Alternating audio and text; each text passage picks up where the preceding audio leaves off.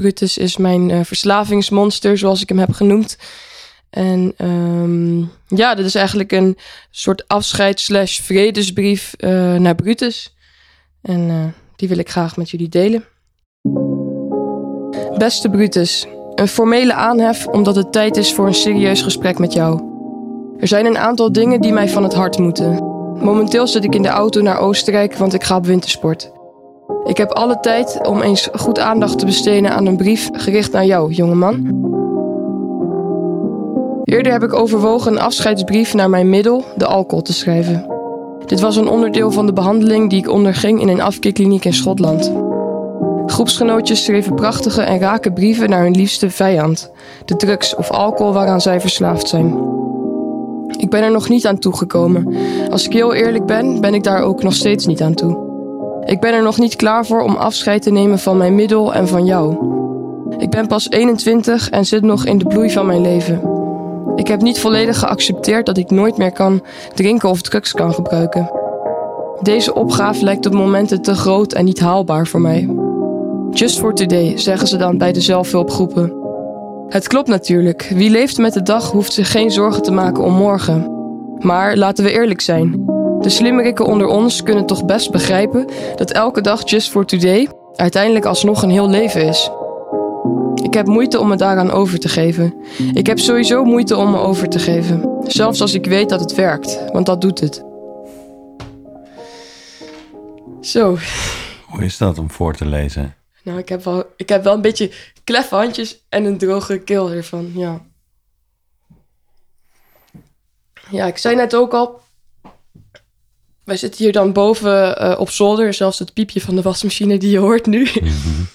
Mm um, en ik had denk ik niet echt heel veel rekening mee gehouden dat het eigenlijk best wel confronterend is om op de zolder, waar het eigenlijk allemaal heeft afgespeeld vorig jaar, om daar eens even lekker te gaan terugblikken met een uh, microfoon uh, voor mijn neus. Mm.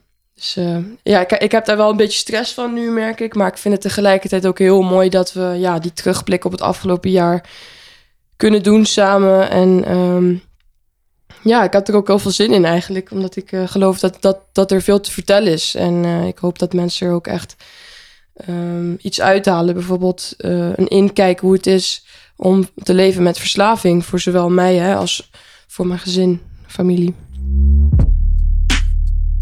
Mijn hele professionele leven werk ik voor en met jongeren in de jeugdzorg. Nog nooit veranderde er zoveel in de jeugdzorg als nu. De jongeren staan aan de frontlinie van die verandering. Te vaak nog omdat ze de rekening betalen voor wat er niet goed gaat, maar ook omdat zij zelf vormgeven aan de jeugdzorg van de toekomst. In deze podcast ga ik op zoek naar de Transformers.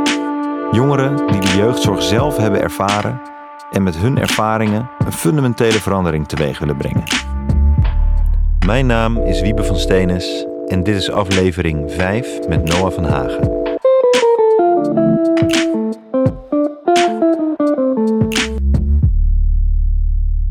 Wat is hier gebeurd vorig jaar? Uh, ja, jeetje, dat is wel een hele grote vraag. Of het antwoord is heel groot. Um, ik, uh, ik ben teruggevallen na bijna drie jaar clean te zijn geweest. De drie beste jaren van mijn leven, zeg ik, uh, zeg ik steeds. Um, in die drie jaar tijd heb ik eigenlijk heel veel kunnen opbouwen. In zowel mijn privéleven als in het werk. Ik heb best wel snel carrière gemaakt in de zorg. Initiatieven opgericht bezig geweest met, uh, met, met hele toffe dingen. En uh, ja, natuurlijk niet te vergeten, het, het contact met mijn ouders en familie was gewoon, ja, sterk verbeterd. En in proces natuurlijk nog steeds. Want de mensen die mijn eerste podcast hebben geluisterd, die hebben wel een idee van hoe, um, nou, hoe het in Huizen van Hagen is, is geweest. En, en toch is er dan een moment dat het fout gaat, als ik het zo mag noemen. Ja, klopt. Hoe komt dat? Nou, ik heb hier heel veel op gereflecteerd natuurlijk. Want dat is uh, zo'n bepalende gebeurtenis geweest, mijn terugval. Dat is wel iets, daar ga je op reflecteren. Um, ja, ik heb er toch geen kant-en-klaar antwoord op, merk ik. Uh, ik weet wel dat uh, ik die week uh, veel stress had. Um, ik, ja, hoe het eigenlijk in, in, het kort hoor, want ik denk niet dat we daar te veel op in moeten gaan.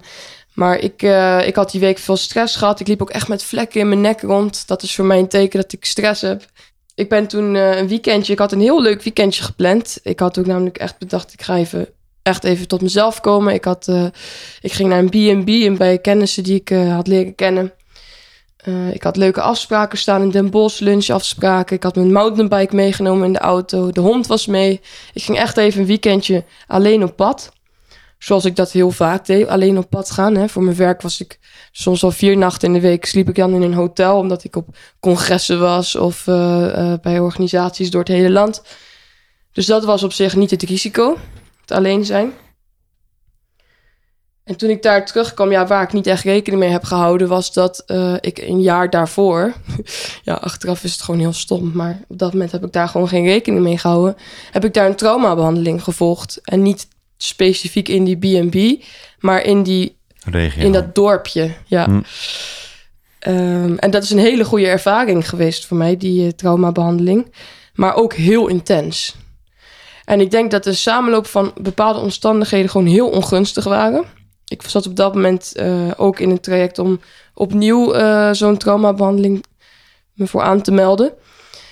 En ik had wat stress van die week en er waren gewoon wat ingewikkelde dingetjes. En uh, nou, dat is daar gewoon fataal misgegaan. En wat gaat er mis dan? Wat gebeurt er dan? Ik, uh, ik kreeg last van herbelevingen toen ik daar kwam, weet ik nog. Dus ik was de tijd, uh, de tijd gewoon ook kwijt. Ik had het idee dat ik daar, dat het een jaar terug was. Dus nou, het ging gewoon niet goed met mij. Doet er verder ook niet heel veel toe. Ik, um, ik was gewoon niet in goede doen. En uh, in die tijd gebruikte ik ook nog uh, Silkwel. Dat is, um, nou, dat kreeg ik om te slapen. Maar dat gebruikte ik ook wel als ik echt veel stress had. Uh, of last had van herbeleving. Een kalmeringsmiddel, ja. En daar had ik er nou, nogal wat van ingenomen. En uh, ja, daardoor waren mijn grenzen ook gewoon heel erg vervaagd. En, uh, ja, maar je had genoeg bij je om, uh, ja. om een flinke overdosis te nemen. Ja, klopt. En uh, ja, toen ben ik teruggevallen. En dat is eigenlijk mijn eerste terugval geweest. Ik hoef ook niet per se heel erg in te zoomen op die eerste terugval. Ik kan me wel voorstellen dat jij je afvraagt natuurlijk van... wat maakt nou dat je terugvalt? Mm. Uh, wat ik al zei, ik heb daar gewoon niet een heel duidelijk antwoord op. Ik denk dat terugval ook altijd eigenlijk op de loer ligt. En um, ja, jeetje. Ik ben ook wel eens teruggevallen dat ik het gewoon echt helemaal had uit, uitgedacht.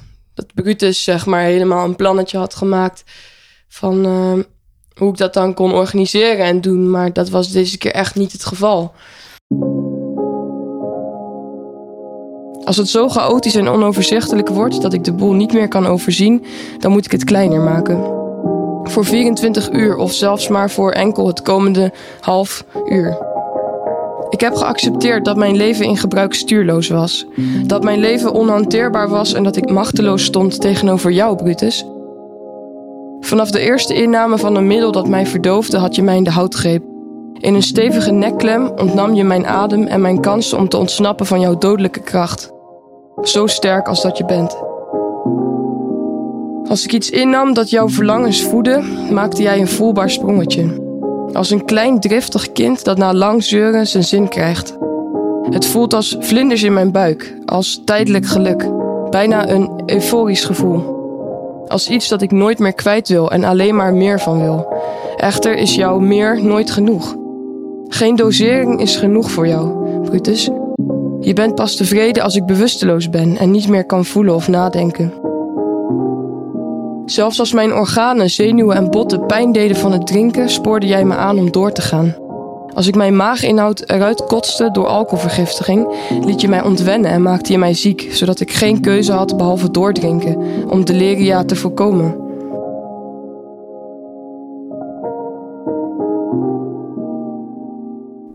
Is het voor jou een, een normaal verhaal, dit verhaal van Brutus, of komt het ook bij jezelf binnen als je dit voorleest? Nou, dat raakt me natuurlijk nog steeds.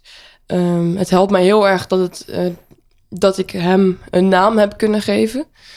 Um, ik denk ook dat heel veel mensen met verslaving zich hierin kunnen herkennen. Dat is tenminste wat ik voor reacties krijg van uh, bijvoorbeeld mijn groepsgenootjes uh, die ik in de kliniek heb ontmoet. Of ja, mensen die hier ook mee worstelen, die, die, die zeggen toch wel vaak tegen mij dat ze zich heel erg kunnen herkennen hierin. Mhm. En eh, ja, het is zeker een heel bizar verhaal, maar het is ook een heel bizar jaar geweest eh, het afgelopen jaar. Ja. Ja. Ja, want je bent voor de buitenwereld ben jij eh, nadat je de ja, je jeugdzorgtijd, als ik het even zo mag noemen. Achter je hebt gelaten, ben je eigenlijk als een raket gegaan. Ik noem jou wel eens eh, de Max Verstappen van de jeugdzorg. Ja. Je gaat als een dolle. Eigenlijk, eh, ja, van een afstandje lijkt je mega succesvol.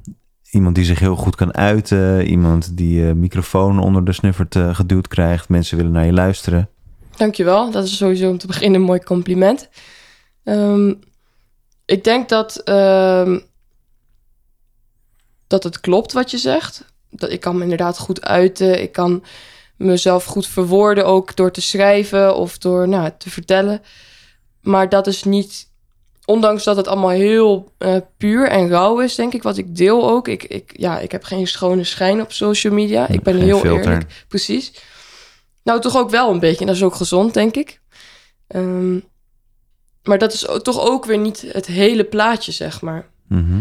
Ondanks dat het al heel erg open is. Dat is tenminste wat ik altijd krijg eh, als reacties van... wauw, wat een inkijk in jouw leven. En in, in wat een... wat rauw, wat puur. Wat oprecht. Mhm. Wat heftig. ja, maar dat is toch ook niet het hele stuk. En daarnaast, ehm, daarnaast of je succesvol bent of niet, of je een, een goede mensen om je heen hebt of niet, dat zijn niet eens allemaal factoren. Ja, die hebben wel invloed op hoe jij leeft als zeg maar herstellende verslaafde. Maar dat verslaving spaart niet. Ehm, En verslaafd ben je voor altijd. dat zeggen ze. Ja, Ja. nou, dat, dit, zegt Brutus. dat zeggen ze. Ze is toch weer een klein soort kiertje op de... Hoe zeg je dat? Mhm. De deur. Nou, ik heb dat wel uitgeprobeerd. Voor mij geldt het wel dat ik, tenminste voor de komende jaren... niet, niet, moet, niet moet drugs of alcohol moet gebruiken. Maar ooit wel weer? Nee, ook niet. Maar je ik hebt zeg over een dit- kiertje. Je houdt het nu op een kier. I know, maar dat is gewoon, ja, ik ben 21 en mijn leven duurt nog lang. Ehm, als ik nu zeg, ik kan heel mijn leven niet meer drinken, dan word, kan ik echt heel droevig worden. En dan kan ik ook echt gefrustreerd raken en denken van, ja, waar, wat is dan, waarom doe ik dit dan, snap je? Wa- wa- Wat doe ik het dan voor? Mhm. Dus dan zeg ik, ja, de komende paar jaar, dat is veiliger. Want over, als ik het een paar jaar volhoud, dan zien we dan wel weer, toch? Ja, voor altijd of nooit. Het zijn, dat zijn grote uitspraken. Af en toe hoor je mij trouwens een beetje snotteren en hoesten, maar ik heb, ik heb twee oorontstekingen en eh, een, een goede verkoudheid gehad. Dus, Nou, dus ben, je dat hoor je. ben je in ieder geval in balans. Ja, zeker. Als allebei je oren ontstoken zijn. Oh, op die manier.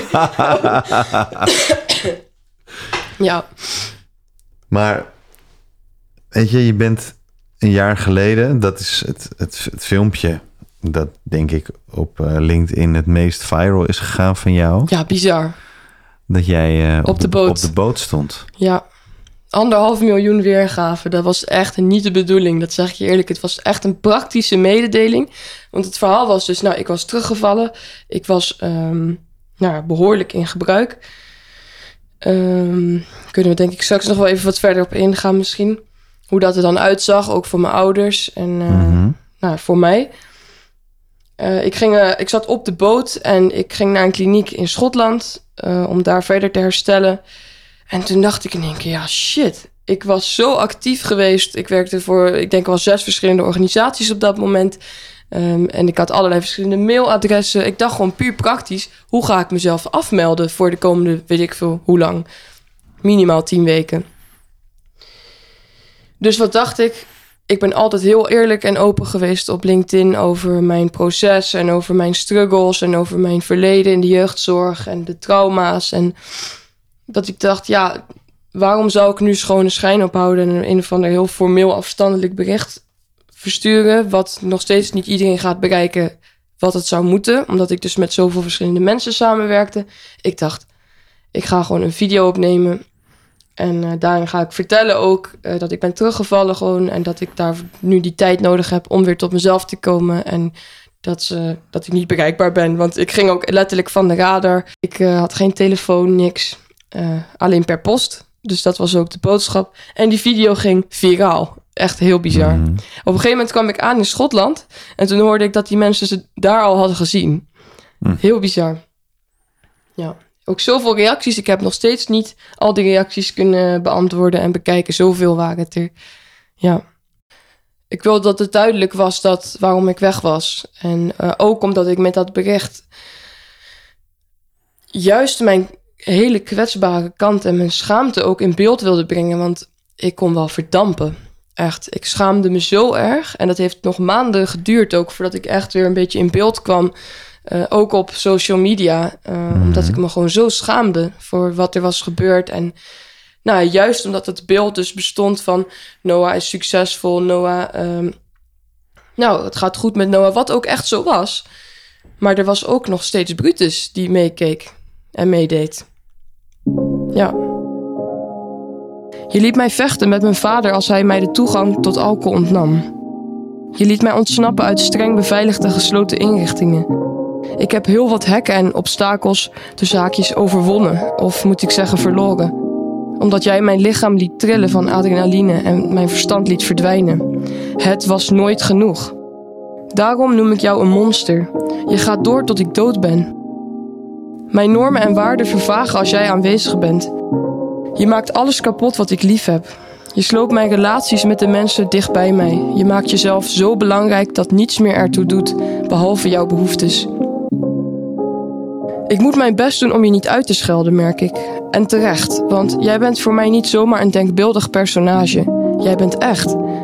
Ik kan je voelen en jij bent machtig sterk. Jij kan mij laten zweten van de verlangens. Jij maakt jezelf voelbaar aanwezig in mij. Ik voel veel boosheid naar jou.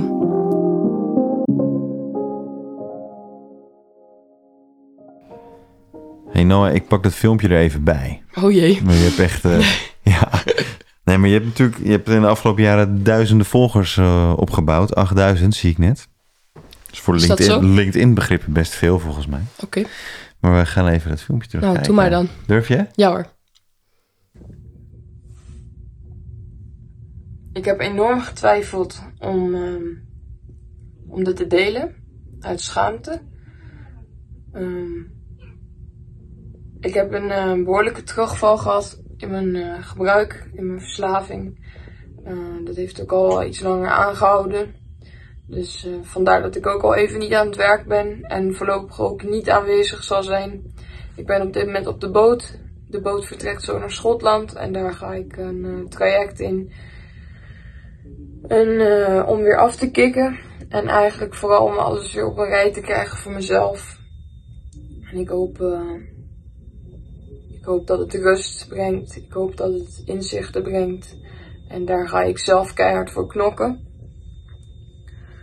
Het zijn eh, hele onrustige en moeilijke eh, weken geweest. En eh, ik schaam me er ook heel erg voor. Omdat het juist zo goed ging. En nou ja, ik was lekker op weg. Maar dat is het. ik zeg altijd: opgeven is geen optie. Zo heb ik het zeker niet op alle momenten ervaren. Maar er is op dit moment geen andere optie dan opgeven. Behalve de dood. En dat is mijn toekomst als ik doorga zoals ik nu doorga. En daarom ga ik nu naar een kliniek. En ik ga knokken. En ik hoop op begrip. Begrip vanuit andere mensen. Juist omdat ik me zo schaam. Maar ik hoop nog meer dat het mij gaat brengen. Dat het rust gaat brengen. Ja. Jeetje. Hoe is, hoe is dat dan? Als je dat ziet? Nou, ik, het is niet een van mijn beste filmpjes, maar ik heb ook echt nog slechter uit die tijd. Ja, en ik vind het ook heel confronterend om dit filmpje dan nu te zien die jij nu aanzet. Mhm. Ik vind het ook mooi, omdat ik wel, eh, ik zie die, die kracht, die, dat vind ik heel mooi, zeg maar. Want die kracht had ik toen nog zelfs in me, terwijl ik echt heel helemaal aan de grond zat gewoon. En eh, ja, dan moet ik er ook wel een beetje om lachen dat ik dan zeg, ja, opgeven is geen optie, echt Nee. die hard gewoon. Maar heb jij die kracht altijd? Want ik, ik ken je nu een paar jaar. Ik maak je best regelmatig mee. En ik zie eigenlijk ook ik heb je ook wel eens gezien dat je heel dicht bij een heel diep moment zat. Mhm. Maar je hebt nooit eh, een, emotie, een emotie van tranen of verdriet die ik bij je bespeur. Oh, echt? Oh, maar dat is helemaal niet waar. Nee. Ik kan heel goed huilen. ja, dat, nou, dat kon ik niet, maar dat heb ik zeker eh, geleerd. Er zijn een aantal hele lieve, zachte mensen in mijn leven gekomen die, ehm, die mij de, de zachte kant van het leven hebben ja, laten zien en eh, daarin hebben geholpen. En ik ken die kant zeker. Ik eh, Hmm. kan heel verdrietig zijn hoor, op momenten over, over dingen of eh, ook heel leeg of somber voelen. En eh, ja, zelfs echt zo dat ik gewoon eh, het allemaal niet meer kan overzien. Dus dat is wel eigenlijk heel mooi dat je dat zegt, want dat is zeker een kant die ik ook heb. En die ik steeds wat meer kan laten zien, maar die ik wel echt heb. Maar altijd gevolgd weer met kracht en ja, veerkracht. Altijd. Ja. Veerkracht. Je zat op de veerboot. Om maar een mooi, eh, een mooi Oh, bruggetje te maken. ja. Naar Schotland. Je ziet ook echt op dat filmpje. Zie je gewoon de haven Ja. nog achter je liggen. Dus je stond echt aan het begin. klopt. En dan ben je in Schotland. Hoe, hoe is dat gegaan? Moest je Engels praten? Ja, Schots. Nou, ik kan op zich best prima Nou, Engels, maar... Schots. Alright, jaribam. Niks van te maken. Dus ehm, ja, je moet je bedenken, eh, ik was net een paar dagen clean, maar ik was zeker nog niet helemaal erbij met mijn hoofd. Dus dat ik dit filmpje zo helder heb gemaakt, dat is eigenlijk heel bijzonder. Want, nou ja, goed, ik was gewoon helemaal niet bij met mijn hoofd eigenlijk op dat moment. Het heeft echt een paar weken geduurd voordat ik goed begreep waar ik was en hoe ik daar was gekomen. Want ik had natuurlijk net weer even een speciale weg gekozen naar Schotland. De meesten gaan met het vliegtuig, eigenlijk iedereen. Ik was de eerste, zeiden ze, die met de, met de boot was gekomen. Met de camper van mijn ouders afgeleverd als een pakketje tot aan de poort. Want je ouders waren wel mee. Mijn ouders die hadden zoiets van... als wij Noah op het vliegtuig laten stappen, die komt niet aan. En ik denk dat ze daar echt een heel goed punt hadden. Ik denk dat ik in eerste instantie het vliegtuig niet had gevonden. Nou, daar hadden ze me nog mee kunnen helpen. Nou, je moet je bedenken dat in een vliegtuig wordt ook alcohol geschonken. Mhm. Je hebt zelfs een duty-free zone. Nou, dat lijkt me wel halla voor een verslaafde. Die onderweg is naar een kliniek waarbij je dus weet van... oké, dit is hiernaast echt klaar. Dus ja, laat ik er dan nog maar even... Hè? Dat is, iedereen komt daar zwaar naar de kloten aan. Omdat ze zoiets hebben van, ja, laatste keer. Ja, dus je ouders zaten met jou, met de camper, ja, op de boot. heel bijzonder. Wat een Ja. reis. Een van mijn uitdagingen en lessen is om met empathie naar jou te kijken. Om te zien waar jij voor staat. Waarom jij je als een onwijze klootzak kan gedragen. Wat je probeert zichtbaar te maken met jouw onbegrepen gedrag en daden.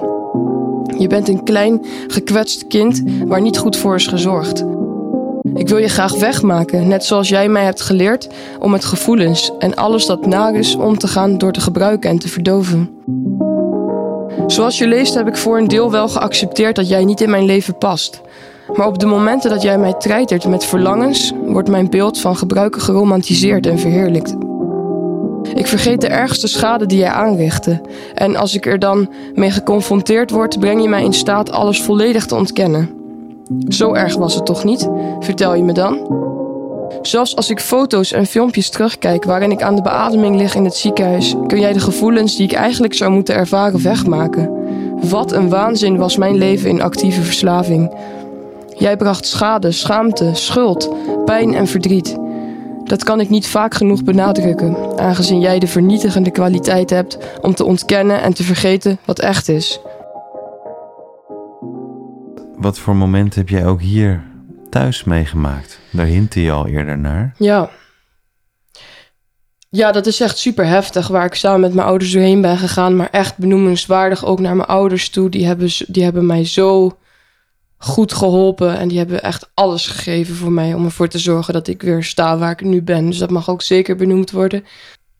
Ik dronk eh, uiteindelijk eh 600, 700 milliliter vodka op een dag. En dat ging dan heel de dag en nacht door. Om ervoor te zorgen dat ik dus niet ging ontwennen.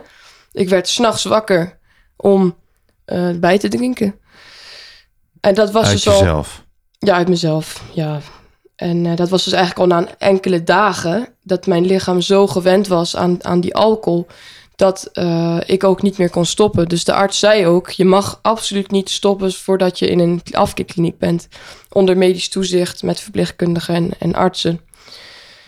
Maar het probleem van Nederland is de wachtlijsten. En ehm, ja, dus ik wilde heel graag. Of ja, heel graag is ook overdreven. Ik had Je de, was gemotiveerd. ik was gemotiveerd en natuurlijk had ik ook momenten dat ik dacht, ja, ik wil eigenlijk helemaal niet stoppen, maar dat was dan echt een stukje verslaving, dus daar kon ik ook wisselend in zijn.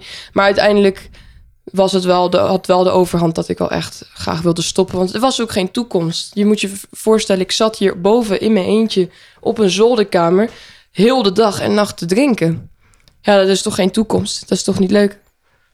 Nee, Dat is toch, nee. dat, dat wenst toch niemand? Kleine vraag, hè? Van, eh, je zegt 600 tot 700 milliliter. Ja.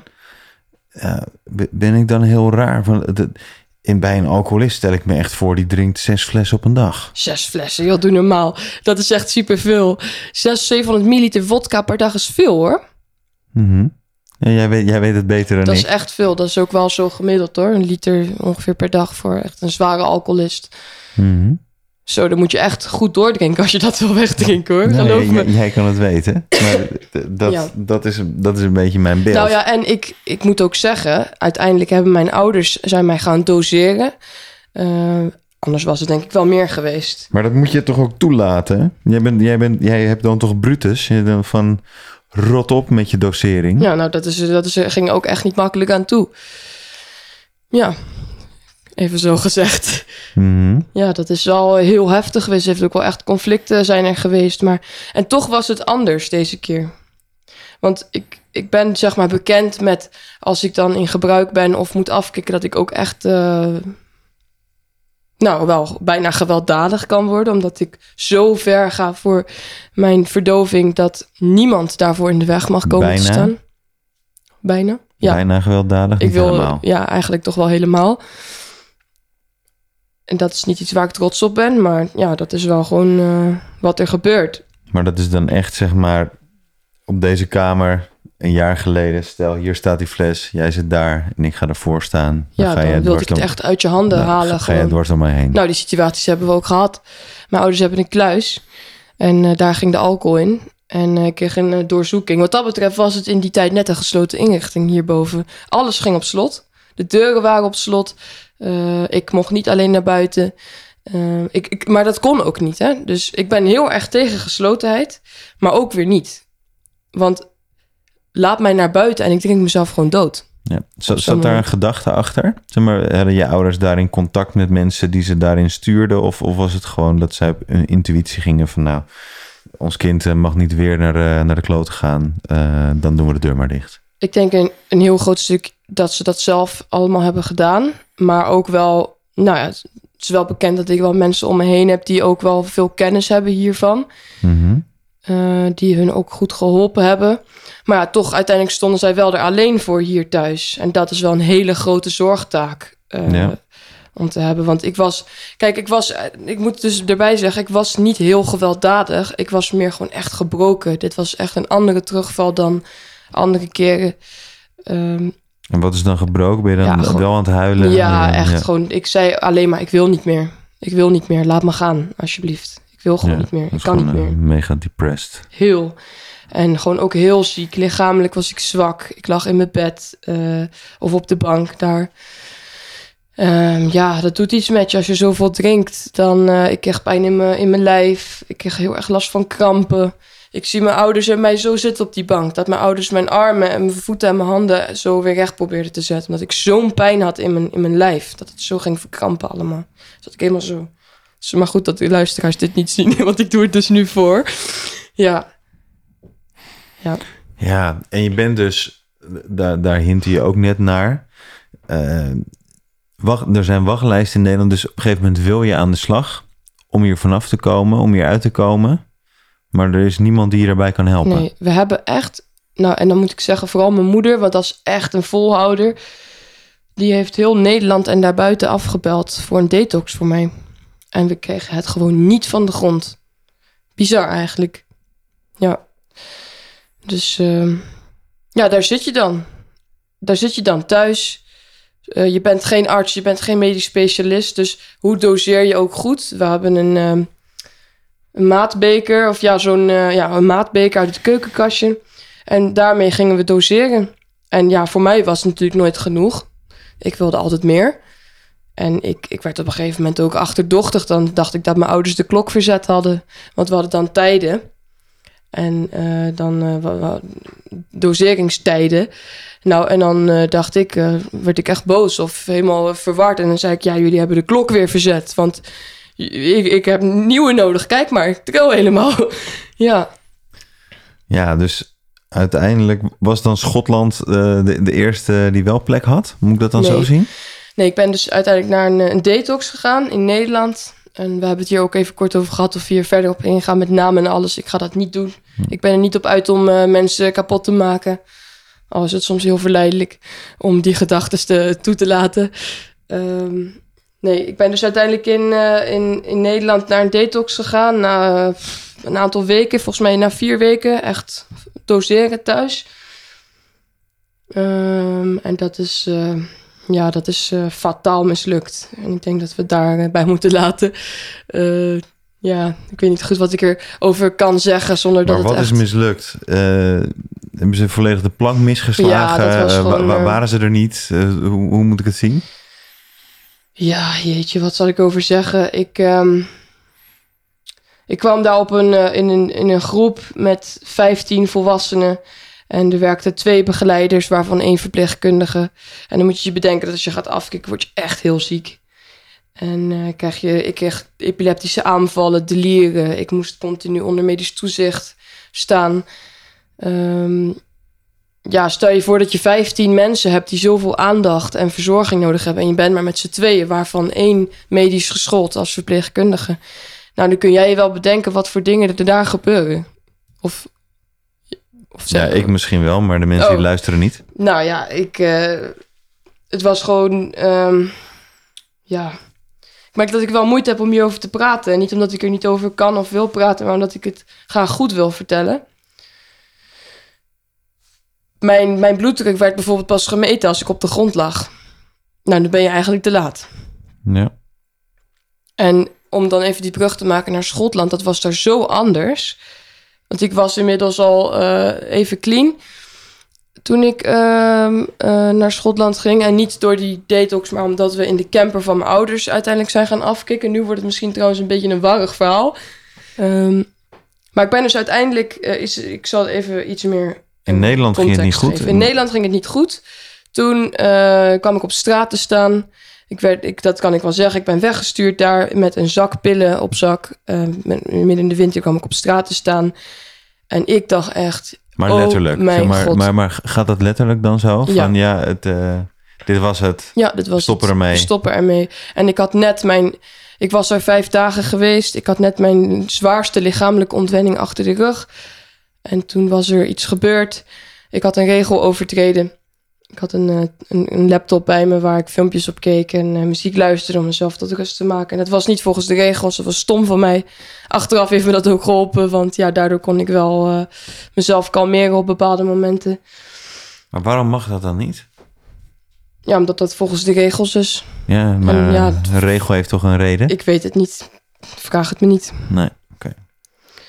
Dus uh, uiteindelijk kwam ik op straat te staan. En dan moet je je bedenken dat je al nou ja, hele heftige weken slash uh, maanden achter de rug hebt. Maar dan wordt het dan niet zo... Sorry dat ik je onderbreek. Maar het, het is er niet zo van dat je wordt op, geregeld wordt dat je wordt opgehaald. Nee, of? ik ben 18 plus, dus... Uh, dus dan hoeft dat niet meer? Nee. Dan kan je voor jezelf zorgen. Ja. Ook mensen die uit een afkeerkliniek gezet worden zonder dat ze klaar zijn. Nou, ik kreeg een gratis tas pillen bij voor de hele week. Met uh, benzo's, oxazepam, temazepam, Ritalin, Seroquel, Medikinet. Ja, dus nou, je krijgt ook nog genoeg om een overdosis ja, te genoeg. nemen. Voor de hele week, uh, zeiden ze hier. Voor de hele week. Dus uh, nou, je kan je bedenken wat er gebeurde. En ik wil er echt geen grapje van maken, want het is heel ernstig wat er toen is gebeurd. Ik, ik, ik zag namelijk, ik kon het niet meer overzien allemaal. Ik dacht echt, het komt niet meer goed met mij. En um, ik wist gewoon echt niet meer wat ik moest. En toen heb ik een overdosis genomen. En toen ja, heb ik daarbij gedronken weer. En toen ben ik in het ziekenhuis beland. En uh, is me dat bijna fataal geworden. Ja. Dus dat is heel heftig eigenlijk geweest. Jij bent mijn beste vriend en mijn grootste vijand tegelijk, Brutus. Jij brengt mij troost en vriendschap op de momenten dat ik me eenzaam en onbegrepen voel. Jij belooft mij veiligheid, op een slopende manier weliswaar. Kom, pak mijn hand, dan neem ik je mee naar de hel. Ik zal je pijn daar verlichten met een deken van verdoving. Kom maar, bij mij ben je veilig. Op momenten klinkt het aantrekkelijk, even weg van alles, zweven en verdwijnen met jou. Nergens aan denken, maar het is allemaal een illusie. Als ik niet toegeef aan jou, word je driftig. Als een narcistische, gefrustreerde jonge man. Als jij je zinnen hebt gezet op gebruiken en het dan niet gaat zoals jij wil, begin je te stampvoeten. Je overvalt me met gejaagdheid en adrenaline. Ik moet soms uren sporten om tegen jou te vechten, om de stress die jij veroorzaakt in mijn lijf kwijt te raken. Kijk, uiteindelijk ben je dus weer in contact gekomen met je ouders. En hebben je ouders, neem ik dan even aan, een plek in Schotland gevonden waarvan ze dachten, dit, hier kan je dan wel goed naartoe. Klopt. En zijn ze er met jou naartoe gegaan? Ja, nou eerst ben ik, moest ik even afkicken weer. Dus dat, is, uh, dat is de eerste keer dat ik dat ook echt zo met mijn ouders heb gedaan, volgens mij. Of ja, misschien heb ik dat trouwens vroeger wel eens gedaan, maar echt zo'n heftige date ook zoals deze. Ze zeggen elke terugval wordt zwaarder. En nou, dat heb ik wel ervaren, zeg maar. De doseringen werden hoger, de ontwenning wordt zwaarder. Uh, en dit was wel echt absoluut mijn, mijn zwaarste detox, lichamelijk. Um, dus toen zijn we, mijn ouders hebben een camper. En toen ja, hebben we het, zijn we het zelf gaan organiseren. Want ja, dit was gewoon het, dit was gewoon het laatste wat de zorg in Nederland mij nog kon bieden. En ik wilde naar Schotland. Dat wilde ik echt heel graag. Mijn ouders wilden dat inmiddels ook. Mm -hmm. um, en toen zijn we gaan detoxen in de camper. En ja, dat is eigenlijk best wel goed gegaan. Echt met de hulp van, uh, van uh, mensen om ons heen. En um, gelukkig. Maar detox in de camper, hoe, hoe zie je ja, dat Ja, dat is wel... Alleen al met je ouders op uh, vakantie gaan in een camper is al heel krap en gezellig. Maar ja, detoxen met z'n drieën in zo'n kleine camper, dat is wel uh, dat gingen jullie ergens in, op, op de hei staan? Wij stonden daar met, op een camping uh, midden in de winter. En ja, daar hebben wij gewoon... ben ik gaan detoxen samen met mijn ouders. Met hulp. Een soort rijdende kliniek. Even om in sneltreinvaart terug naar de boot te gaan. Ja. dus je bent Schotland aangekomen. Ja. Uh, en dat was veel beter voor je. Ja. Vervolgens is het een paar maanden stil. En is eigenlijk een beetje onheilspellend. Mm -hmm. Van uh, hoe is het nou met jou? En dan doe je deze, doe je deze post. Wil jij die voorlezen? Ja, zeker. Ik heb hem hier voor me. Uh, een kleine update. Inmiddels ben ik weer in Nederland. ik wil iedereen bedanken. Ik ben overspoeld met lieve berichten en kaartjes. Helaas zijn het er zoveel dat ik niet iedereen persoonlijk kan beantwoorden. Dus via deze weg bedankt. Het wordt enorm gewaardeerd en ik ervaar veel steun en begrip. Het was hard werken in Schotland. Het was een intensief traject. De komende tijd zal ik nog de tijd nemen om te landen. Herstellen van een terugval is als een klim uit het diepste dal. Wordt vervolgd. Met een heel mooi plaatje van een Noah met een backpack die uh, over, over, de kust van Schotland staat. Maar dat was niet uh, trouwens in Schotland hoor, want daar uh, kwam ik niet zo ver buiten. nee, heeft Brutus je daar niet helpen ontsnappen? Nee, nee joh. Als je daar wilde ontsnappen, dan wist je zeker dat je ging sterven. Gewoon, want het was daar echt midden in de bergen. Dus ik heb daar wel echt hele vette hikes gemaakt trouwens. Hm. Dus uh, nee, maar ik zat daar ook midden in de coronatijd. Dus we hebben daar de activiteiten die je daar normaal doet in de weekenden en zo. Dat je ook echt Edinburgh in gaat bijvoorbeeld. Dat, uh, dat was niet in mijn tijd. Het is ook wel een testcase trouwens, Edinburgh. Ja, lekker naar de als. Uh, alcoholist afkicken. Ja. ja, nou dan ging je natuurlijk wel in groepjes. Met meerdere brutusjes. ja, niet dat dat per se een goed plan is. Ja. Waarom werkt het zo goed voor jou daar? Nou, ik moet zeggen, Schotland uh, is ook niet per se altijd leuk en goed en makkelijk geweest. En ook niet altijd passend voor mij. Uh, maar ik had een hele lieve therapeut, Angela. En die vrouw is echt geweldig. We hadden zo'n goede klik meteen. Ehm, dat uh, Angela zelf ook verslaafd. En nu denk ik, ik geen idee, een jaar of vijf of langer al clean en in herstel. Maar gewoon een hele lieve vrouw. Uh, heel empathisch, maar ook echt direct. En um, dat heeft voor mij heel erg geholpen dat ik gewoon een fijne therapeut had daar. Um, ik kwam daar in het, in het Nederlandse gedeelte. Recovery Gardens. Um, ja, dus je, hebt, uh, je had het kasteel en je had het Nederlandse gedeelte. En ik begon in het Nederlandse gedeelte. Dus alle Nederlandse gekkies. Dus dat was ook leuk. Want je, komt toch ja, met, met mensen die je deelt iets met hun. Je komt uit dezelfde omgeving. En je kan ook Nederlands praten soms. Dat is toch ook fijn om je gevoelens te, uit te drukken. Want ondanks dat het ook soms helpend was, was een heel interessant in, inzicht wat ik opdeed. Is dat um, de, de dingen die voor mij heel veel lading hadden in de Nederlandse taal, uh, die kon ik in het Engels beter bespreken. Dat was interessant. Dat, daar kwam ik daarachter. Maar aan de andere kant, als je echt je diepste gevoelens en gedachten wil bespreken, is het, kan het ook een drempel zijn. Al moet ik zeggen, ik heb echt goed Engels geleerd daar in een hele korte tijd. En een beetje Schots. Op de een of andere manier heb jij heel mannelijke eigenschappen. Je slaat deuren en meubels tot zaagsel met een oerkracht die weinig mannen en vrouwen kennen. Je daagt mensen uit om met jou het gevecht aan te gaan. Je bent gewelddadig en fysiek agressief. Je bent sluw en snel. Je bent koning vermijden. Je test de mensen die het meest dichtbij staan keer op keer uit om uit te vinden of ze wel echt blijven. Zo creëer jij veiligheid voor mij, maar het gaat zo ver dat het mensen frustreert en kwetst. Je bent jaloers en vindt het oneerlijk dat anderen wel mogen drinken en jij niet. Je bent controlebehoeftig, zelfs zo erg dat je meeschrijft in deze brief naar jou. Ik voel jouw kritische aanwezigheid, terwijl ik zo eerlijk en kwetsbaar mogelijk probeer te schrijven. Er zijn maar weinigen die jou echt begrijpen. Je bent een flinke uitdaging, Brutus. Ik heb daar hele mooie vriendschappen ook gesloten. En uh, mensen waar ik nog steeds contact mee heb, bijvoorbeeld uit Schotland. En uh, je, je komt samen te wonen eigenlijk met mensen die je nog voorheen nog niet kende. En daar ga je mee in groepsessies. Daar ga je van ochtends vroeg tot avonds laat ga je mee in therapie. Want dat is wel wat ze in Schotland gewoon echt goed hadden georganiseerd. De therapie, het dagprogramma. Die was gewoon goed gevuld. Um, dan word je zo uh, intiem samen. Ja. Ja. Het is heel leuk om jouw gezichtsuitdrukking ja, erbij te zien. Precies. Maar het is niet... Uh, niet die in, soort intiem. In, in, ja, je snapt wel wat ik bedoel. Intiem op een, uh, op een gewoon uh, communicatieve manier. Ja, dat is heel bijzonder. En de tijd lijkt ook veel langer, zeg maar. Omdat je...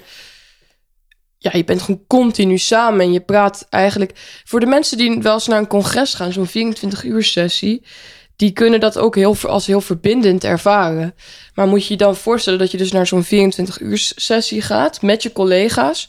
En dan ga je het ook nog eens hebben over je diepste pijnen en je grootste schaamte. En, um, en dan, dan, dan slaap je samen, want je slaapt ook op een kamer met andere mensen. Ik zat in een vrouwenhuis. Nou, daar hebben we ook echt ontzettend veel plezier gemaakt. Los van het feit dat er ook af en toe een soort, uh, ja, gekke meidengevechten waren. Niet fysiek hoor, maar gewoon... Uh, ja, je leeft wel met vrouwen en vrouwen zijn ingewikkeld. Toch? Sommige vrouwen zijn ingewikkeld. En zeker als je daar zit in een tijd waarin ja, je toch um, uh, je moeilijke tijd doormaakt. Ja, kan dat ook wel eens clashen. Maar ik heb vooral ook veel plezier gehad met die meiden daar zaten ook een aantal van mijn leeftijd. Dus we hebben daar ook wel eens wat kleine feestjes gehouden. als, als, de, als de mensen het niet door hadden, als de staf het niet door had. Maar waren er dan ook mensen die stiekem hun eigen alcohol aan het brouwen nee, waren? Nee, absoluut niet. Nee. Nee, dat gebeurde daar echt niet. Dat was wel echt anders dan in Nederland hoor. Want in Nederland is het heel normaal blijkbaar om um, gewoon GHB en andere drugs en alcohol mee te nemen naar een instelling. Maar dat was daar echt, dat gebeurde daar echt niet. En waarom gebeurde daar niet? Ja, ik denk om te beginnen, je zit daar midden in de bergen. Dus waar ga je het vandaan halen? Nou komen er natuurlijk ook wel steeds nieuwe mensen binnen. En joh, het zal heus wel eens gebeuren hoor, of gebeurd zijn. Uh, maar er is ook echt een zero tolerance uh, beleid. Dat als dat gebeurt, dan mocht je ook wel echt gewoon meteen vertrekken. Ja, en je gaat, je betaalt onwijs veel geld om daarheen te gaan. Dus ja, waarom zou je dat dan zo verkloten? Ik vind het altijd heel debiel, zeg ik zelf. Ik vind als je naar een, een afkeerkliniek gaat, dan moet je niet gaan zitten gebruiken daar. Want dan kun je net zo goed gewoon lekker naar huis gaan. Want, en het klinkt misschien heel uh, takloos wat ik nu zeg, maar ik denk dat ik het wel mag zeggen. Ik heb ook namelijk de nadelen ervaren van wel willen, maar tegengehouden worden door groepsgenoten omdat ze boven de kamer cocaïne zitten te snuiven. Mhm. Dan denk ik ook bij mezelf, waarom ga je naar een afkeerkliniek? Ga dat dan thuis doen, weet je wel? Ja.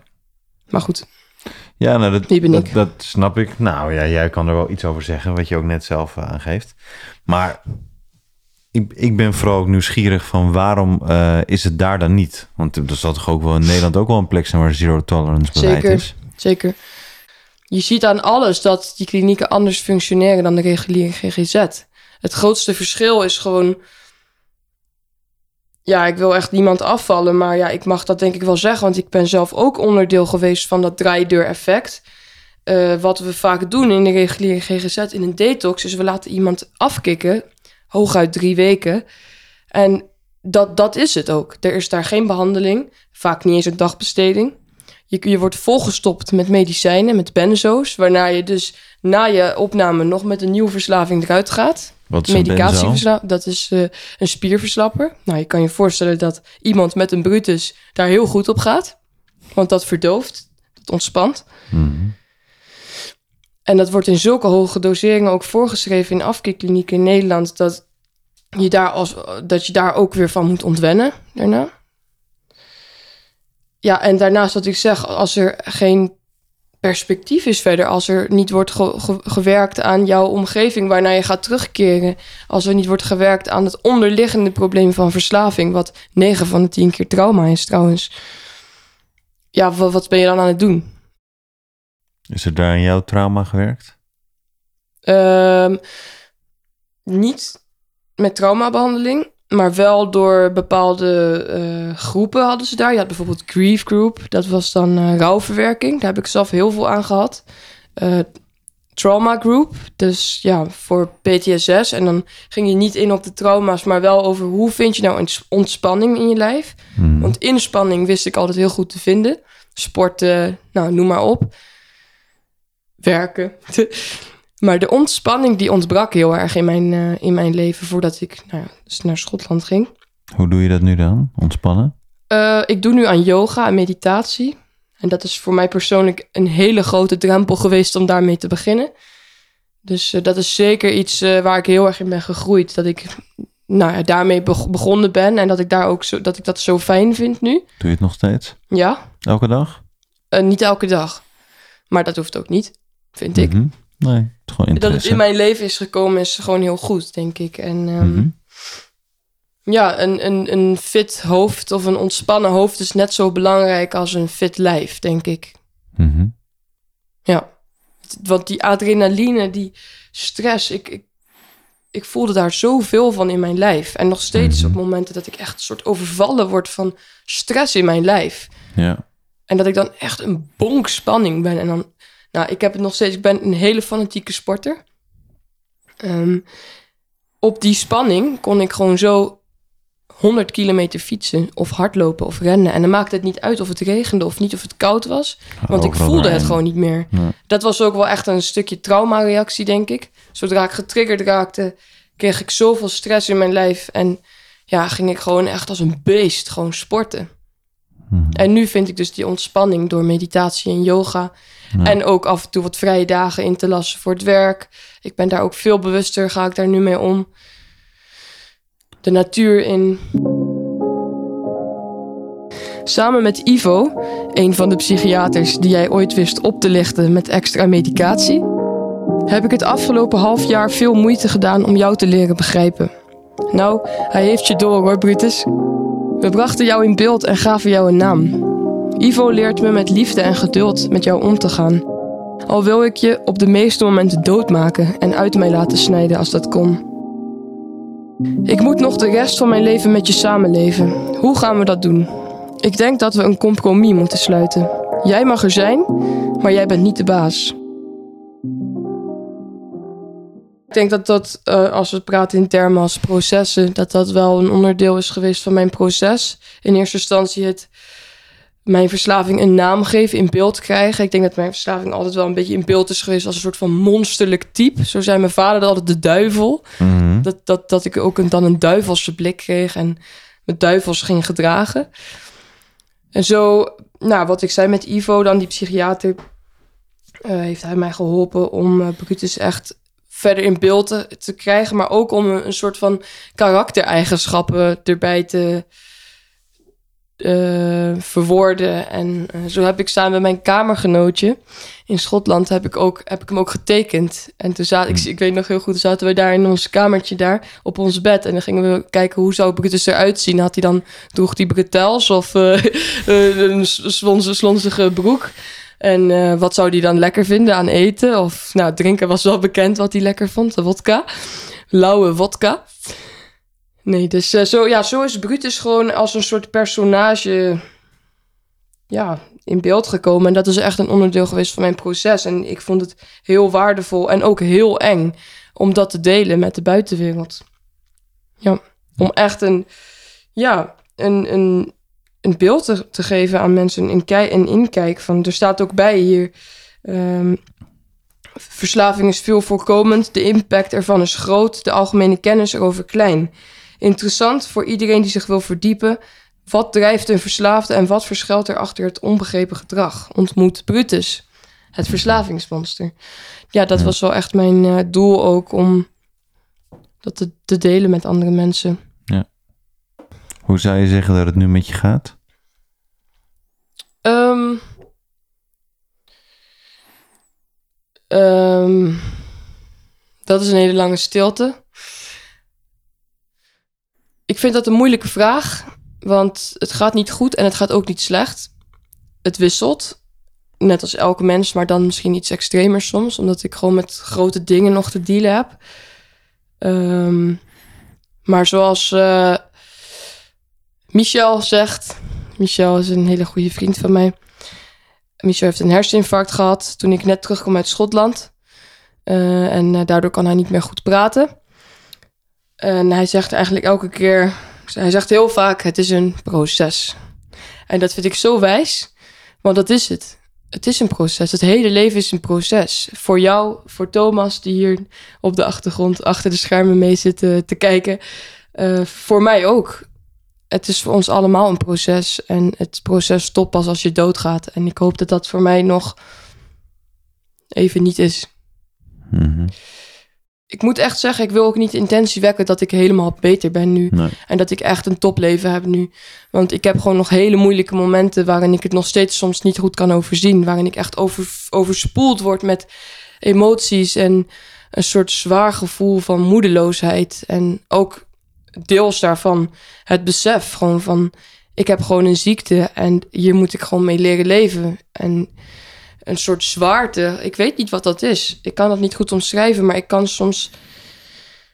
Ik kan me soms in één keer zo somber en alleen voelen. Ondanks dat ik zulke fijne mensen om me heen heb, een mooie baan heb, uh, in een mooie zolder zit hier nu met jullie, een eigen appartement in het huis van mijn ouders. Ja, Brutus. Hell was full, so she came back. Ik zal je koesteren en je hoeft mij niet meer te beschermen. Ik beloof je dat het leven leuker en vooral makkelijker zal worden als jij niet meer steeds hoeft te stampvoeten voor meer en nooit genoeg. Ik zal je chipjes voeren, maar geen alcohol of andere verdovende middelen. Ze maken ons kapot. Als ik sterf, sterf jij met mij. Besef je dat wel? Weet je, Brutus, ik ben heel goed met gekwetste tieners. Misschien omdat ik dat zelf ook was. Ik zie je, jongen, echt. Ik zie dat je pijn hebt en last hebt van dingen uit het verleden. Ik begrijp je boosheid en verdriet en je onvermogen om te dealen met deze intense gevoelens. Je mag boos zijn, je mag Brutus zijn, maar je mag mij niet vernietigen. Zullen we vrienden worden? Noah.